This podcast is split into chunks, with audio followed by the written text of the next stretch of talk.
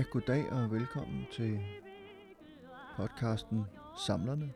Mit navn er Christian Mongård, og jeg er øh, som sædvanlig kalif og bestyrer af denne podcast, der jo altså handler om at samle. Det handler om det, jeg har valgt at kalde det milde vanvid, altså det her med, når man simpelthen ikke kan stoppe sig selv med at samle, hvilket jo selvfølgelig kan være skidt, men for det meste er godt, og ikke mindst er en stor fornøjelse for utrolig mange af de mennesker, jeg har snakket med i den her podcast. Det er lidt noget tid siden, vi har, jeg har lavet høre fra mig. Det beklager jeg meget, men øh, en gang imellem så kommer livet og andet arbejde i vejen.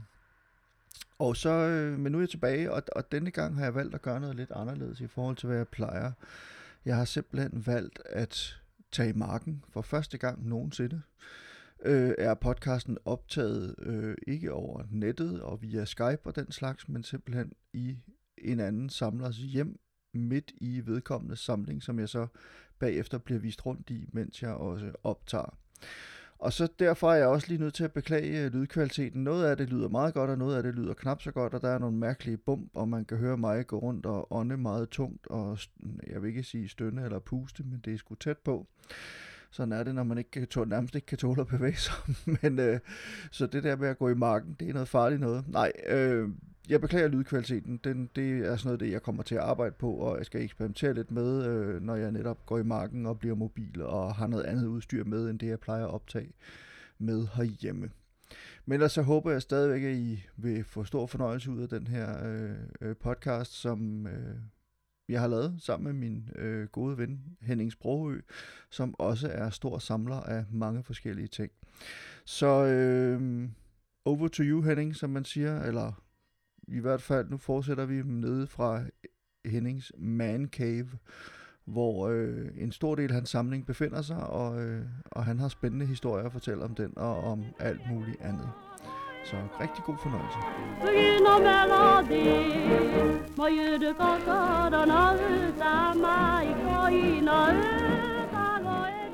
Henning, inden vi går rigtig i gang med samtalen, så vil jeg godt lige spørge dig noget, fordi det første, et af de første ting, jeg lagde mærke til, da vi kom her ind i din man cave, Ja, i din hule, det var et, en BT-forside, ja, som hænger lige bag ved mig nu. ja. Kan, kan du ikke lige, hvad der står på den? Der står Hitchcock, Fyre, Mørk og Sprogø. Og Mørk, det er så Erik Mørk. Og Sprogø, det er så min kære far, Ove.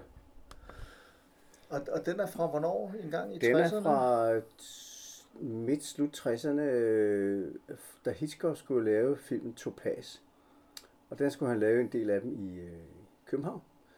Og så ringede han til nogle agenter i København og sagde, at jeg skal bruge to af de bedste skuespillere i, i Danmark. Mm. Og så sagde agenten, det finder vi ud af. Og så ringede agenten til min far, Erik Mørk, og sagde, Hitchcock skal lave en film, I skal være med. Nej, hvor skønt. Så han kom hjem og var pavestolt. Og så nærmede tiden, så Hitchcock kom til landet. Og så øh, så han de to spillere, og så sagde han, nej, det- går ikke. Så spurgte de, øh, hvorfor ikke det? Jamen, de er jo ikke høje nok, de skal være politibetjente jo. De skulle stå foran D'Angleterre og være udsmidere. Så, øh, så de blev fyret på stedet, og jeg tror ikke, de var inde og hilse på ham, men de fik at vide, at de var alt for små. Og de havde jo hyret to karakterskuespillere, de her agenter. Hvor øh, min far lige havde haft stor succes på Slå Først Fred og Slap Af Fred, som ligesom var det, man troede, han havde brug for Hitchcock. Så han sagde bare, ud med dem. Det sjove var, så, at han vist nok hyrede, øh, en af politibetjentene blev en af de politibetjente, som er med i alle Olsenband-film, som hed Store Jørgen. Som, øh, altså ham, som hiver Egon ud af fridsløse, når han vil ind igen. Altså sådan en ret kraftig politibetjent. Han er næsten med i alle film, i alle Olsenband, som øh, kørende strømmer. Han var altid med på optagelser. Store Jørgen, fordi han var med til at, han er en enorm autoritet. Han var ligesom den næstkommanderende, når man var på udoptagelser fra politiet. Så han var den, der ligesom styrede optagelser. Det klarer jeg, Balling, og det gør han. Og han fik sig en af de der to roller der. Og så øh, det første, min far gjorde, det var også, jeg kan jo lige vise dig, øh, se dato på det. Det er jo en, en smørbrødseddel. 20. september 68. 20. september 68, ja. Så, fik han, gik han ned til en butik, min far, og sagde, jeg vil gerne have den der smørbrødseddel der. Men det, er lige, det siger jo så også lidt om, altså, hvor, hvor, hvor stor en deal det egentlig var. Ja, To af de kendteste danske skuespillere hyret til Ja. en film af en af de mest kendte instruktører i verden. Ikke? Ja. Så selvfølgelig skulle det lave forside på en eller anden måde. ja, ja. ja. Men, øh, men det er selvfølgelig også, at de har sikkert svælget i det BT, du ved, fyret af Hitchcock. Ja, ja. Det, det er lidt Ja, sjovt. det har du. helt sikkert. Nå, men øh, det er jo ikke, øh, skal ikke være nogen hemmeligheder. Jeg sidder øh, simpelthen hjemme hos dig, Henning Mhm. Sprogø. Øh, du har inviteret mig hjem for at se din samling. Jeg har set noget af den før, men ja. nu Ja. har du ligesom fået lidt mere styr på den. Ja, Du ja. siger, du har fået nogle flere ting op at hænge. Ja, Og, øh, og en del af den her podcast kommer også til at bestå af, at vi går rundt og kigger på nogle ja. Ja. ting og snakker mm. om dem undervejs og sådan noget. Men, men jeg synes, at vi skal starte, ligesom jeg starter næsten alle mine podcasts, og det er med, at du lige... Ja, altså, vil du fortælle lidt om dig selv lige ja. Ja. til at starte med? altså jeg hedder som sagt Henning og er født i 53. Og øh, vi, var, vi er tre brødre, og min mor og far, min far var Ove Sprogø, og min mor Eva, opvokset på Amager i Tømmerup. Øh, og hvor, hvor alt det her kom ind i billedet, var jo øh, biografmanien fra jeg var fire. Den første film, jeg så, jeg kan huske, det var Styrman Carlsen 59, tror jeg, jeg har stadig billetten. Og fra dag af kan jeg huske, at jeg var bit af det øh, atmosfæren i biograferne. Og øh, har også sam- jeg meget, samlet meget omkring biografer, og har et tæt samarbejde med 70 mm øh, Thomas Havslev, ham der har hjemmesiden Biografmuseet. Øhm, og, hvor jeg altid har gravet og gravet for at finde det arkeologiske i biograferne. Men der startede så min interesse for film og biografer. Så blev jeg uddannet skuespiller og har arbejdet meget med, med på scenen, men også undervist de sidste 15 år og har haft utrolig mange øh, unge skuespillere igennem systemet. Øh, ja. Men, øh, og så er jeg lige nødt til at spørge, altså nu er det ikke fordi, at det her, den her podcast skal handle om din far, Ove Sprogø, mm. men jeg har indtryk af, at din samlermani, Mm-hmm. hvis jeg må kalde det det, Ja, ja. må jeg godt kalde det det, Ja, ja. Det milde vanvid, Ja, ja. som du har jeg fornemmelsen af, lider af, ligesom jeg selv gør, mm. og sådan noget, ikke? Altså det der med, det betyder noget at samle, det betyder noget, altså nu sidder vi her i din hule, og er omgivet af genstande fra ja. Et langt liv, og meget af det har med film at gøre, ja. Ja. og her, altså, Gud hjælp mig, om jeg ikke sidder lige foran også Asta Nielsens gamle Rejsgrammofon. rejsegrammofon. Ja. Den, det vender vi tilbage til, men det er jo svært at styre, altså for en samler som mig, som selv samler på nogle af de samme ting ja, som dig, Ja. så er det svært at styre, så det er svært ikke at være en lille smule begejstret over, at jeg har også lidt at have lidt ærefrygt og sådan Okay. noget. Men selve glæden for film, ja. Den kommer jo hjemmefra. Den kommer fra ham, ja. Den kommer fra ham. Hvad med glæden for at samle? Hvor kommer den fra? Og det vil jeg faktisk ikke. Den, han samlede jo, han samlede på kunst, kan man sige, malerier, men ikke på noget omkring film. Han gjorde noget, og nu du bringer på banen, som var øh, lidt sammenlagtigt, da han var barn. Han lavede de her skrabbøger her. Med Shirley Temple. Nå. Og han havde en meget udsøgt skrift, min far, fordi hans far var typograf og faktor. Ja. Så han øh, brugte meget tid på at samle. Jeg kan mærke, at meget af det, han gjorde her, hvor jeg også, da jeg var barn og ung, lavede øh, sådan noget skrabbøger. Jeg har et hav af dem. Men det nåede slet ikke op i hans niveau. Nej. Men jeg kan bare mærke og huske, at han har haft samme samlermani, som jeg har haft. Men i lidt smallere skala, fordi det var øh, Shirley Temple, han faldt for. Mm. Og Ramon Novaro, som du vil kunne se i en stor øh, billedudstilling af det han. Jeg har faktisk nogle gamle billeder af Ramon Navarro med autograf på. Nå, Jeg er så ikke sikker på, om den autograf er trygt eller ej, men den ligger i kuverten fra ja, Ja, filmselskabet. Det er Nå. simpelthen en dansk fan, Nå. der har fået tilsendt det. Jeg har faktisk en hel samling af sådan nogle gamle billeder med Nå autografer, ja, ja. Som, som ligger i de gamle studiekuverter Ah, ja, og sådan noget, så det er ret sjovt. Men ja, og han var en stumfilmstjerne, Han sige. var, og- men min far var vild med hende der. ja, Shirley i mange år. Ja. Og øh, han var syg med Ramon Novaro. Mm. Så hvi- hvis der er nogen steder, jeg har fået det fra, så er det derfra, kan man sige. Men han var ikke, altså han gik ikke ud i ekstremerne og købte ting ind omkring øh, Shirley Temple eller, mm. eller Ramon Novaro. Det gjorde han ikke.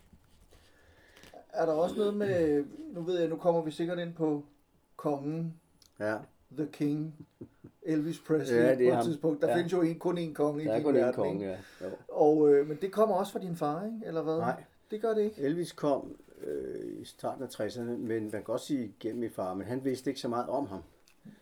Øh, han kom hjem en dag med en single, jeg tror det var Are You Lonesome Tonight, eller Et Snavernæver. Det var de to store i 61.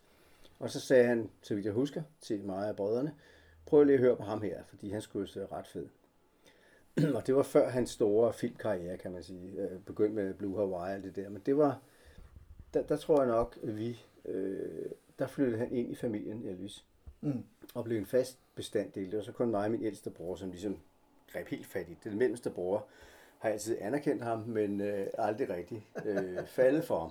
Til gengæld er han den eneste, der har set Elvis live i New York. Øh, Det er jo sådan, at livet så, så uretfærdigt nu. Ja, det var, det var lidt sygt. Vi hørte jo, at Elvis kom til New York, og der var min bror derovre, og så skrev vi til ham, du skal se Elvis. Nå, nå, vi betaler, vi betaler. Og så gik han op og så, der hænger billetten og annoncen derovre. Så så han ham i 72 i Madison Square Garden. Fedt. Og havde en relativt nøgtern referat af det, og vi var helt knust. Han skrev, han skrev et brev til mig fra dagen efter, kære Inge, nu skal du høre. Og så var han ikke skide begejstret. Mens andre sidder bare sådan og svedte over hver eneste lille tillægsord, Jørgen havde skrevet. Ikke? Men, men Jørgen er også meget nøgtern, vil jeg sige. Og det, det, har været, det, er jo, det er jo hårdt, kunne Ja, jeg det, forestille det var mig. stenhårdt. Men, men okay, så for, prøv at fortælle mig lidt om, hvordan det at samle, hvordan Ja. det har udviklet sig for dig. Altså, hvad er det tidligste, du kan huske, du samlede på, og hvordan sådan efterhånden, som du blev ældre, har det så ligesom udviklet Ja. sig? Det tidligste, jeg har samlet, det ligger derovre. Det er en kasse med Elvis ting, som var øh, tyggegummi, tykgummibilleder. Og dem samlede jeg på meget, da jeg var barn. Og skole, skole, skole, fedt. øh, folkeskoledreng, ikke? Jo. Og det var stadig ikke det store, altså det er ikke, det er ikke de store samlinger, men jeg har elsket at samle og bytte og bytte og bytte. Jeg har jo flere hundrede her, ikke? Altså da nogle tyggegummi, hvad, hvad kalder du sådan nogle her, som ligger i? Det lå egentlig sådan noget, Ja, tykkegummi. Dandy Jamen, altså, tyggegummi. det er jo bare samlerkort, ikke? Ja. Øh, øh, altså, det er lidt ligesom de, de fodboldkort, man kan samle hver gang op til Ja. VM eller et eller andet. De kommer så i nogle... Og så ser jeg de billeder, jeg havde allermest, hvor han ser så grim ud. Han ser syg ud her nærmest. Nå, anyway, men det startede i hvert fald der. Men så det Ja. der med filmplakater, øh, som du også spørger om, det, det kom senere. Mm, Det kom først, i, da jeg var på TV2 og lavede et filmprogram der. det er rigtigt, ja. Øh, der skete så det, at jeg var rundt i landet. Øh, Jeg lavede dem samtidig med Bogart, altså Ole Mikkelsen lavede sine på Danmarks Radio. Og så lavede jeg filmmagasin om onsdagen, som kom bevist om onsdagen på TV2. Det lå klokken halv 10 om aftenen. Det var fint nok. Men jeg ville ikke sidde i studiet, som Ole gjorde, for jeg synes, jeg ville ud og lave noget. Øh, noget, der havde relation til film og biografer. Og så tog jeg rundt i gamle biografer. Både i de biografer, der var der, men også i biografer, der var lukket ned. Og så fandt vi på et tidspunkt øh, kontakt til en biograf på Ærø på i Søby, hvor der lå en kæmpe lade, som var en gammel biograf, som stadig fungerede. Og det besøgte jeg så over og lavede et program. Det må have været i starten af 90'erne. Så lavede jeg et program derover og interviewede den gamle mand derovre, en meget sød fyr. Og så øh, gik jeg op i hans operatørrum, som er et gammelt, skønt operatør, men hele væggen var fyldt med plakater, der var ordnet efter, efter alfabetisk. Og jeg tænkte, shit, og jeg lukkede, en af det første, jeg lukkede op, var Elvis Love Me Tender. Jeg tænkte, det er løgn, har han en helt historisk bunke af programmer, eller plakater, helt tilbage fra 40'erne eller 50'erne. Det var nærmest et tegn, at det var en Elvis-plakat. ikke? Ej, ja, det tror jeg på. Det var så ikke den originale Love Me Tender, for det, den kan ikke findes, men det var den til repremieren i 60. Nå, anyway. Så sagde jeg det til en af medarbejderne på TV2, da vi så tog hjem og sagde, har så den samlende? Det interesserede mig jo ikke, men jeg sagde, nå, hvad er du interesseret i gamle filmplakater? Ja, jamen, jeg, jeg kender ham derovre. Så jeg siger lige, at du er interesseret i film, filmplakater, hvis han skulle sælge dem en gang. Ikke? Så hørte jeg ikke mere for, for det. Det gik to-tre måneder. Så ringede det på døren, og det var herude på vejen. Så, så lukkede jeg op, så stod der 3 gange 34 Det var en mand derude. Er du Henning Sproge? Ja, jeg har nogle papkasser til dig fra Søby. Øh, hvad? Og jeg havde glemt alt om det her. Ikke? Så var der 4-5 flyttekasser, fyldt op med alt, hvad han havde på sine hylder af plakater. Og så den, den gamle mand havde så siddet og skrevet af fire sider, hvor der stod et, tabte horisonter, og så hovedrollen, og så har han sat to Love Me Tender, Elvis Presley. Så han har siddet og skrevet i tre måneder på flere tusind øh, plakater og foldet dem. Han havde alle sammen skulle foldes op for at se, hvad det var for en. Så han lavede et kæmpe arbejde. Det må man Og sige. for det øjeblik, så der var mange, som var trashes, som var nogle dødssyge film, også fra 70'erne, som var sådan plastik, eller som sådan en glat overflade, som var uinteressant, ikke? Men der var enormt mange imellem, og jeg tænkte, wow, hvor er det flot. Hold da kæft. Så der begyndte jeg at tænke, hvad gør jeg her? Og så begyndte jeg efter nogle år at bytte med folk, der også var interesseret i det. Jeg var ikke så meget for at købe, fordi de bliver meget, meget hurtigt dyre. Og så kan man gå i stå med at samle ret hurtigt. Så jeg tog for eksempel op til en, en samler, jeg kender med, lad os sige, 40 plakater af nogenlunde kvalitet fra 50'erne og 60'erne. Så sagde han, hvad, hvad er det værd hos dig? Så sagde han, der er 50, det vil, det vil svare til 20.000 hos mig. Du kan, lov, du kan få lov til at vælge den bunke derovre for 20.000 kroner. Og den koster så 2.000, den koster så 800. Og så fik jeg samlet en masse super fede plakater. Og så kom jeg af med sådan nogle uinteressante, for mig i hvert fald ikke. For det primære var for mig at samle plakater, som den der over for eksempel øh, 007 Jazz, er film, jeg har set, som har gjort indtryk i biografen. Så for mig har det været meget vigtigt, at det er biografoplevelsen, som går videre i plakaten. Og, og så derfor så bliver det, ja, altså du har, været, du har set et eller andet, som du synes var fantastisk Ja. og godt kunne lide, så det bliver også en fejring af, Ja, af det, præcis. du holder Ja, af, kan man ja. sige. Og, og, så, og så en videreførelse, altså du, du kan ligesom genopleve det også på en Ja, eller anden ja. måde, når man kigger på plakaten. Sådan har jeg det jo også selv med fysiske genstande, Ja. de, de, de giver noget ekstra på den måde. Ja. Ja. Så der er nogle plakater, jeg går langt. For eksempel den knaldrøde pirat, en Burt Lancaster. Den har jeg gået solen sort for at finde. Og så fandt jeg den inde i Blokkersgade i, hos en indrammer, som den har på væggen. Så sagde jeg, jeg vidste jo ikke, hvor interessant at han var i plakater. Jeg tænkte, det kan være, jeg kan købe for 200 kroner. Så sagde jeg til den der hænger deroppe, det er sjovt, nok. den der, den så jeg som barn, og nedtonede total interessen for den, ikke? Er det noget, du sådan, kunne du sælge den, eller kan jeg købe den? Nej, det kan jeg sgu ikke, det var min yndlingsfilm. Øh, nå, sjov nok også min, så, så var der lukket, ikke? Han er altså en kæmpe samler, viste det sig så. Okay. Men så fik jeg fortalt til en, en, en forhandler i Aarhus, at jeg var interesseret i den. Han havde et kæmpe netværk, så han havde fortalt, at jeg var interesseret, og så byttede han indbyrdes med nogle andre med nogle af hans. Og så sagde han, hvis jeg kan få den ud, så øh, til min kunde Henning der, så bliver han lykkelig. Og så han byttede sig sådan, så jeg kunne købe eller bytte mig til i hans butik til den knaldrøde pirat, som jeg så har nu, ikke? Mm. Men det, men det er meget sjovt, når du snakker om det der med at bytte, fordi det er jo noget, man også gør en del i, i, i den der samlerverden. Men man har jo stadig brug for, om ikke penge, så i hvert fald midler eller ressourcer, mm. når man skal bytte. Og, det, og, og der kan man sige, der var du heldig simpelthen at få en grundsamling. Ja, præcis. Altså, hvor du så rent faktisk kunne gå ud, Ja. fordi ellers så er det jo, det er jo sådan noget med, det er jo også, det er der jo nogen, der gør. Altså Ja. det der med, de, de køber nogle plakater forholdsvis billigt, Ja. og så bygger de ligesom videre derfra, så får de solgt nogle af dem lidt dyrere og får byttet sig til nogle andre, og pludselig så har de fået udvidet samlingen på den måde, ikke? Ja.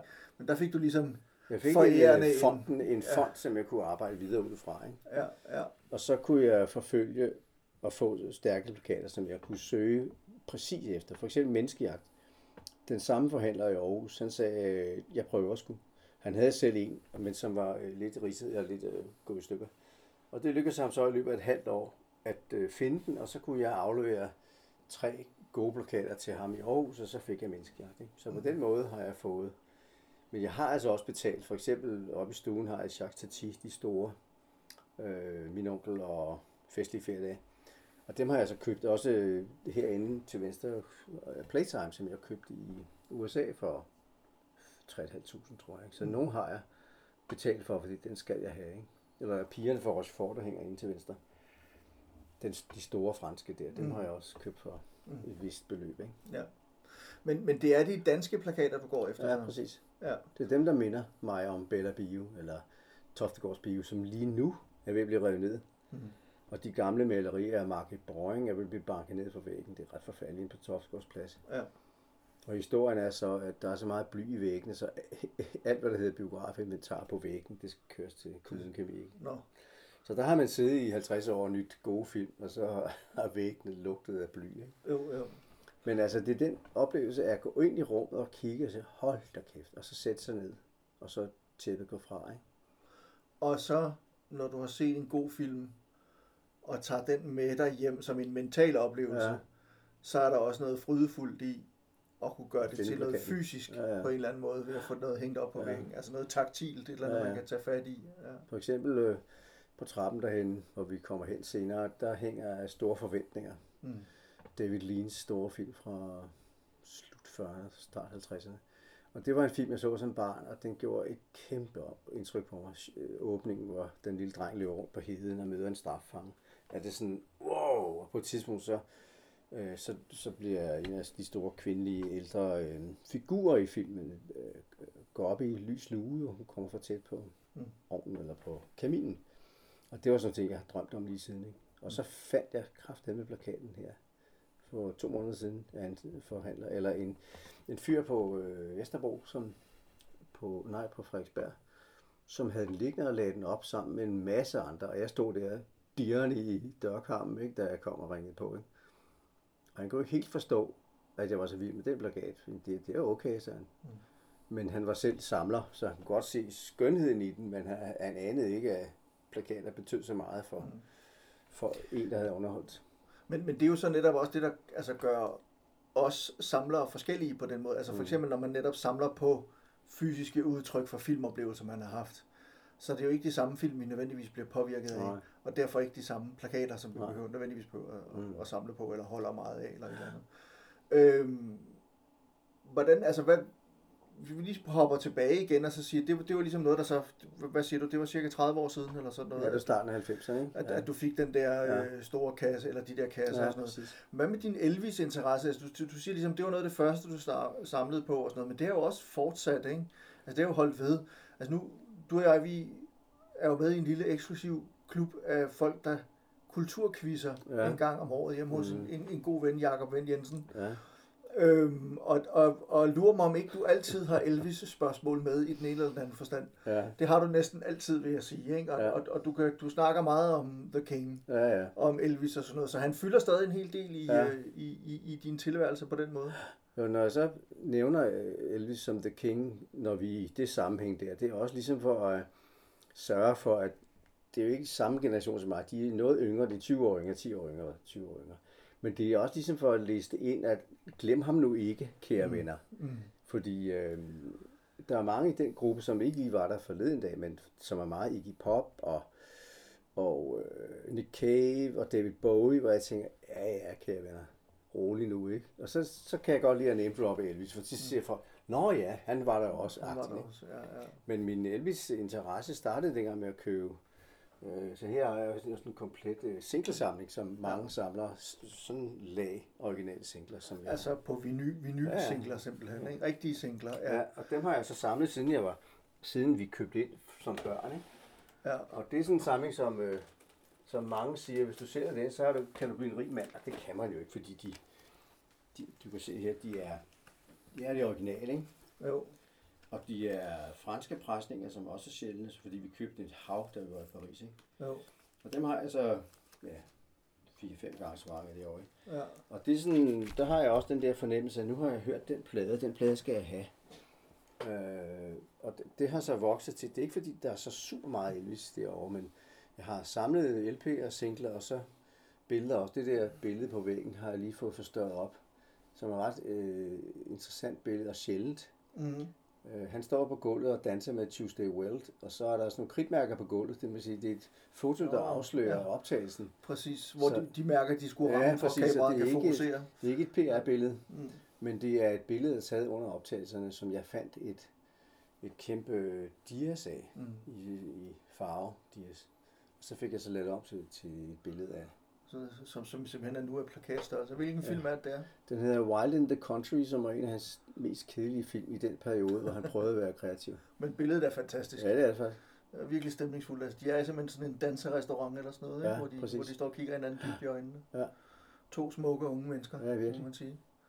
Men det vil sige, at den der store kuffert, du har stående her bagved, det er simpelthen Elvis memorabilia ja, det er af forskellige slags. Ja, præcis. Det kan være de her tyggegummi-billeder, eller filmplakater har jeg mange ja. af derovre, og alle hans programmer for de film, ikke?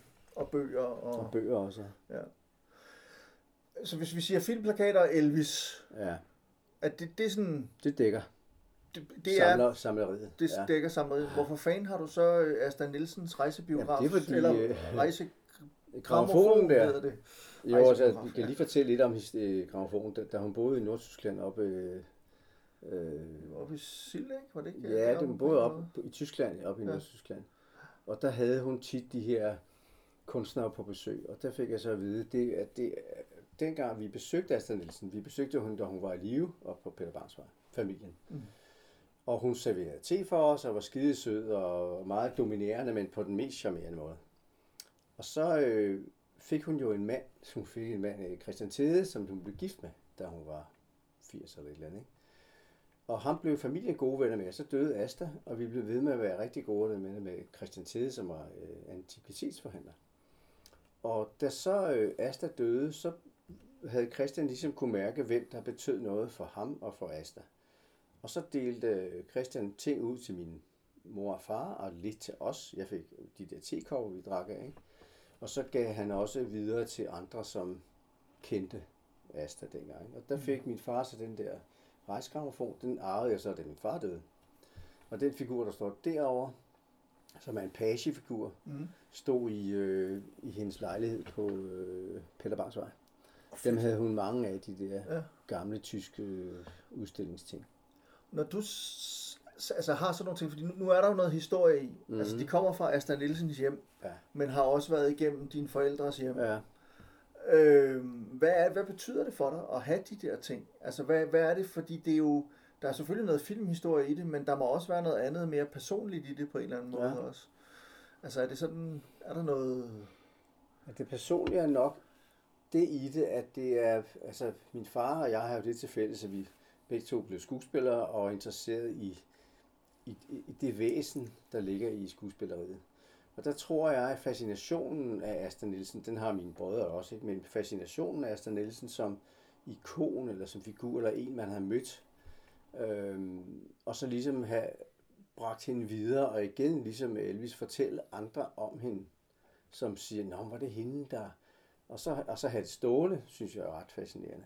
Jeg tror, det har noget at gøre med øh, også de ting, jeg har her, og øh, autografer, Marlene Dietrich, og Mac, Macaulay Culkin og Gene Kelly og sådan noget, som ligger sådan noget, jeg har, der er dukket op, noget, jeg har fået, eller noget, jeg har købt. Ikke? Det er ligesom, øh, det vil du jo så sikkert også vide, at man har noget i hånden, som ligesom har været der, fordi man holder af det. Og ikke mindst den der Elvis autograf, som jeg måtte købe for nogle år siden. Ikke? Så, så det, det lyder lidt som om, du har det ligesom mig, fordi jeg har jo altså, har tidligere her i podcasten fortalt om, at jeg købte sådan et stort lot af Alfred Hitchcock dokumenter hjem fra USA, hvor der både er deciderede autografer med, med små øh, tegninger på, Ja. men også simpelthen dokumenter fra hans filmselskaber, fra Universal og fra andre, hvor han så har skrevet under på, og som handler om de daglige forretninger, ja, Ja, de har gjort, og produktionen af filmene, og, og svar til folk, der har spurgt ham om et eller andet, og sådan noget. Ja. Men det, altså, er det, sådan, det er fordi, det er jo så, så, det føler jeg jo, når jeg sidder med det i hånden, kan jeg jo ikke frigøre mig fra tanken om, at jeg lige nu, kom, at det er det tætteste, jeg kommer fra Mm. Alfred Hitchcock. Og at jeg føler ligesom, der er sådan en direkte connection mellem mig og. Alfred Hitchcock. Altså, du ved, filmhistorien bliver levende på en eller anden måde. Det er også sådan, du har det lidt med nogle af de her Det er ting. lidt, det tror jeg, jeg tror også, det er en, øhm, en børne, det, jeg tror, det handler meget om, hvad jeg har oplevet som barn i biograferne. Det handler meget om at genopleve, måske handler det dybest set om at genopleve den eftermiddag i Winter hvor man gik ind for at se øh, Gungadin. Og det er måske den fornemmelse af spænding, hvad sker der i rummet, den prøver jeg ligesom at, at blive ved med at holde i live på en eller anden måde, ved at ligesom knytte mig til de ting, som minder mig om dengang. Jeg tror, det er faktisk at det, der er nøglen til det, det var mm barndoms øh, altså hvor jeg hele tiden vender tilbage. Og hver gang der er en biograf, der bliver revet ned, så får jeg simpelthen ondt i maven. Altså, mm. selvom jeg måske kun har været der fem gange. Toftegårds Bio eller Mary, som også blev revet ned for nogle år siden. Der, åh, der kan jeg virkelig få det så dårligt. Mm. Øhm, og er ikke hysterisk dårligt, fordi så bliver folk jo, til, så mister man jo tilliden til befolkningen. Men nok til, at jeg har det skidt med, at det forsvinder. For jeg har altid ønsket, at biografer, som var de gode biografer, de blev bevaret, altså fredet. Fordi de rum har været unikke for mig. Ikke? Mm. Så jeg tror, det er der, nøglen ligger, øh, som har affødt samlerhalvøjet. Altså, mm. så har jeg lidt derfra, så har jeg lidt derfra, så har jeg lidt derfra. Ikke? Ja, altså så selvom altså man kan sige, filmplakaterne og Elvis mm. Mm. er de to hovedspor Ja. igennem din samling, så har du så også en masse andre genstande. Men det, der er fællesnævneren for dem, det er de store biografoplevelser et eller andet Elvis sted. er også øh, barndomsoplevelsen af at høre ham og se ham. Både på film, men også at høre ham. Mm. Så det er også biografoplevelsen, kan man sige. Men Elvis Ja. er ligesom... Øh, han ramte bare en stor klokke, ikke? Som, ja. som øh, både filmen, også øh, hvordan han var, og hvordan han lød. Ikke? Men, men, altså, men fællesnævneren i det hele, det er så nogle af de store filmoplevelser. Altså Ja. det jeg mener, det er, at jeg kommer ikke til at se en autograf hænge på din væg, som du ikke vil, altså på en eller anden måde har et eller andet Nej, nej, personligt med Nej, på den nej. måde. Jeg tænker på en anden ting, som jeg, som jeg selv, selv spekulerer meget over i forhold til min samling, fordi jeg tror i virkeligheden, jeg samler lidt på samme måde. Mm-hmm. Altså, jeg har altid gerne vil have en Hitchcock-autograf. Mm. Og nu endte jeg så med at købe 10, eller hvor meget det nu var. og betale en helvedes bunke penge for dem. Altså, Mm. det var, jeg havde desværre ikke noget, jeg kunne bytte mig til lige der. Det var så også på en stor auktion, så det ville nok ja. have været, de ville have set det mærkeligt ud, hvis jeg forsøgte at bytte mig til dem. Ja. Men, men det var en fantastisk oplevelse, og så få de der ting Ja. hjem. Altså, du ved, jeg købte det og betalte, jeg ved ikke, hvor mange penge for det, og så gik der to måneder eller sådan noget, før jeg så endelig havde det i hånden, ikke? Og Ja. man sidder der og tænker, åh, man følger det. Altså, du ved, jeg sad jo fandme og tjekkede øh, opdateringer med shipping Ja, ja. kompaniet hele tiden, fordi jeg skulle være sikker på, eller, øh, eller kureren der, ikke var sikker på, at det nu nåede sikkert frem. ja. Jeg endte med at få det leveret til et hotel i Odense, fordi jeg var til Odense Filmfestival, og de kunne ikke finde ud af at få det leveret, de har kun Nå. til mit hjem, og alt muligt. Altså den der fornemmelse af, hvor, hvor man kan mærke, hvor meget det betyder Ja. for en, og så endelig at sidde med det, og sidde og studere Ja. den der autograf, og kigge på den der lille silhouette-tegning, han har Ja. lavet og sådan noget. Altså, men noget, jeg spekulerer meget over i forhold til min samling, øh, og samlinger i det hele taget, det er, at det jo i virkeligheden ikke er noget, jeg ejer. Det er jo noget, jeg har til låns på en eller anden måde. Jeg er lige nu kurator i min egen samling, og jeg har nogle ting til låns, Mm. som så på et eller andet tidspunkt jo skal videre ud i verden. Om det så er til mine børn eller til nogle andre, det er så hvad det er. Hvordan har du det med din samling i forhold til sådan noget? Er det sådan, tænker du over, går du også ligesom jeg drømmer om at vinde Eurolotto, så du kan lave dit eget museum? Eller, øh, øh, ikke fordi jeg spiller Eurolotto, men altså, det bliver man jo så nødt Ja. til for at vinde. Men, men hvordan, hvordan tænker du i forhold til din samling på den måde? Er du bare sådan en midlertidig Jeg opfatter, museumsinspektør? jeg opfatter ikke mig selv som midlertidig. Øh, f- jeg har også tit tænkt på, hvad skal der ske med alt det her Elvis single værk jo. Men altså, mine sønner vil jo ikke have det. Altså, det fylder bare jo. Og plakater, øh, ja, måske et par enkelte. Det er jo ikke noget, som de står klar til at tage af eller tage fra. Så jeg har ikke tænkt mig som midlertidig kurator af et eller andet. Jeg har mere tænkt, lad mig få fingre i det, som var interessant for mig nu og her. Øh, Jeg ved jo også, at nogle af de ting, som man tror er skide meget værd, det er ikke, det er ikke noget værd, hvis man sætter på, på Blåvis eller eBay. Så siger folk bare, nå herregud, der skal du virkelig være heldig at have noget, der kan det der. Ikke? Jo. Men jeg har ikke, som du nævner der, den der fornemmelse af, at det skal gives videre. Altså, jeg tror mere, at, øh, at det kunne blive interessant, hvis det var, at man øh, skulle sælge noget en dag, og så tænkte, gud, er det noget værd, har jeg? Vi- Hvis jeg nu køber det, hvis jeg nu sælger det, kan jeg så købe noget andet? Jeg, jeg, jeg tænker ret kortsigtet på det, at det er bare ting, jeg gerne vil have i nærheden. Ikke? Ja. Så, øh, øh, ja. Altså, jamen, og, og, men prøv at høre, i virkeligheden, så tror jeg også, at det er også en måde, man er nødt til at tænke på som samler. I hvert fald som, som det, man kan kalde ren af hjertet samler, så er det vel, det skal jo være noget, der giver dig eller mig Ja. ja. fornøjelse lige nu og her. Jeg har jo øvrigt taget en gave med til dig. Jeg ved faktisk Nej. ikke, om, om det er noget, du vil synes er sjovt, men, men, men, men ved siden af det store Hitchcock-lot, jeg købte, ja. Ja, der købte jeg også et Billy Wilder-lot okay. med omkring 150-170 billeder fra hans film. Stillbilleder. Øh, og på nogle af dem, jeg købte blandt andet, fordi der var et af billederne, var et gammelt, var sådan et uh, publicity-foto, hvor man ser, øh, det er taget mange år senere, men det er Billy Wilder, og så står han sammen med Jack Lemmon og Walter Matthau, og så er de signeret dem alle tre. Nå. Det synes jeg var Ja, ja. fantastisk. Fordi det er jo selvfølgelig øh, Some Like It Hot, øh, den Ja. refererer til, og sådan noget. Ikke? Ja. Altså, Monroe var der jo desværre ikke på det tidspunkt, hvor... hvor men, men så fandt jeg et par gamle billeder her, som jeg tænkte, at måske var noget for dig, og jeg ved ikke, om det er noget, du vil have op og hænge, eller om... Det kan om, gå øh, meget godt. Men altså her er i hvert fald et billede fra The Front Page, Ja. ja. hvor øh, Billy Wilder, han er ved at instruere øh, Walter Matthau og Jack Lemmon. Ryd forsiden. Simpelthen. Ej, hvor er det et fedt billede. Og så er der et her, øh, et billede fra, jeg tror nok det er fra Kiss Me Stupid med Ray Walston Ja. og øh, Kim Novak.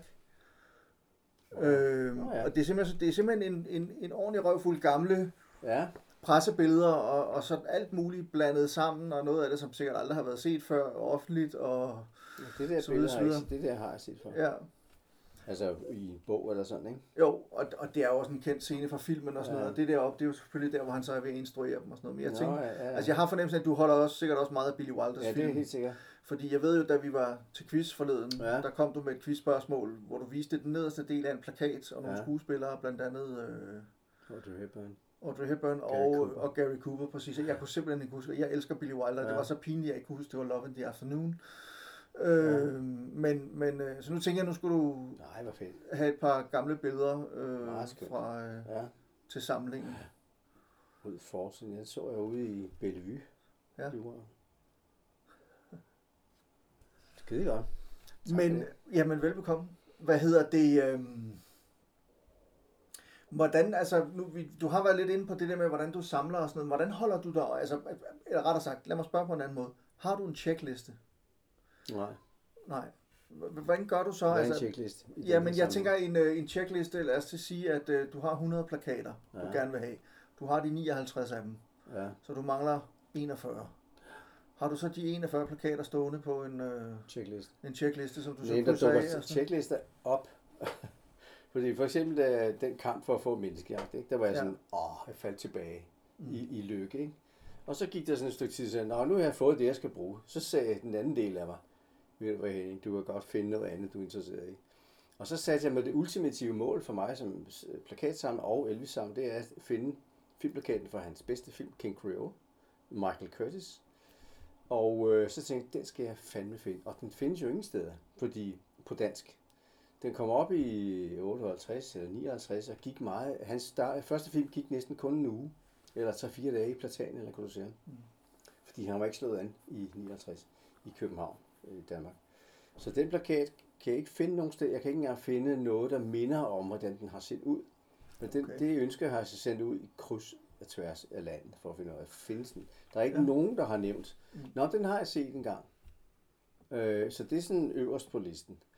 Øh, så har jeg for eksempel også ønsker om flere Hitchcock-plakater. Jeg har en del Hitchcock-plakater, altså Psycho og, og øh, Lampefeber og Telefonen er kl. 23. Men jeg mangler for eksempel, øh, øh, den, den dyre er jo Vertigo. Den er jo næsten ikke til at få fingre Den, originale danske Ja, plakat ja, fra premieren i gys. 56, 57, hvornår den nu kom op. En kvindes gys, ikke? Ja.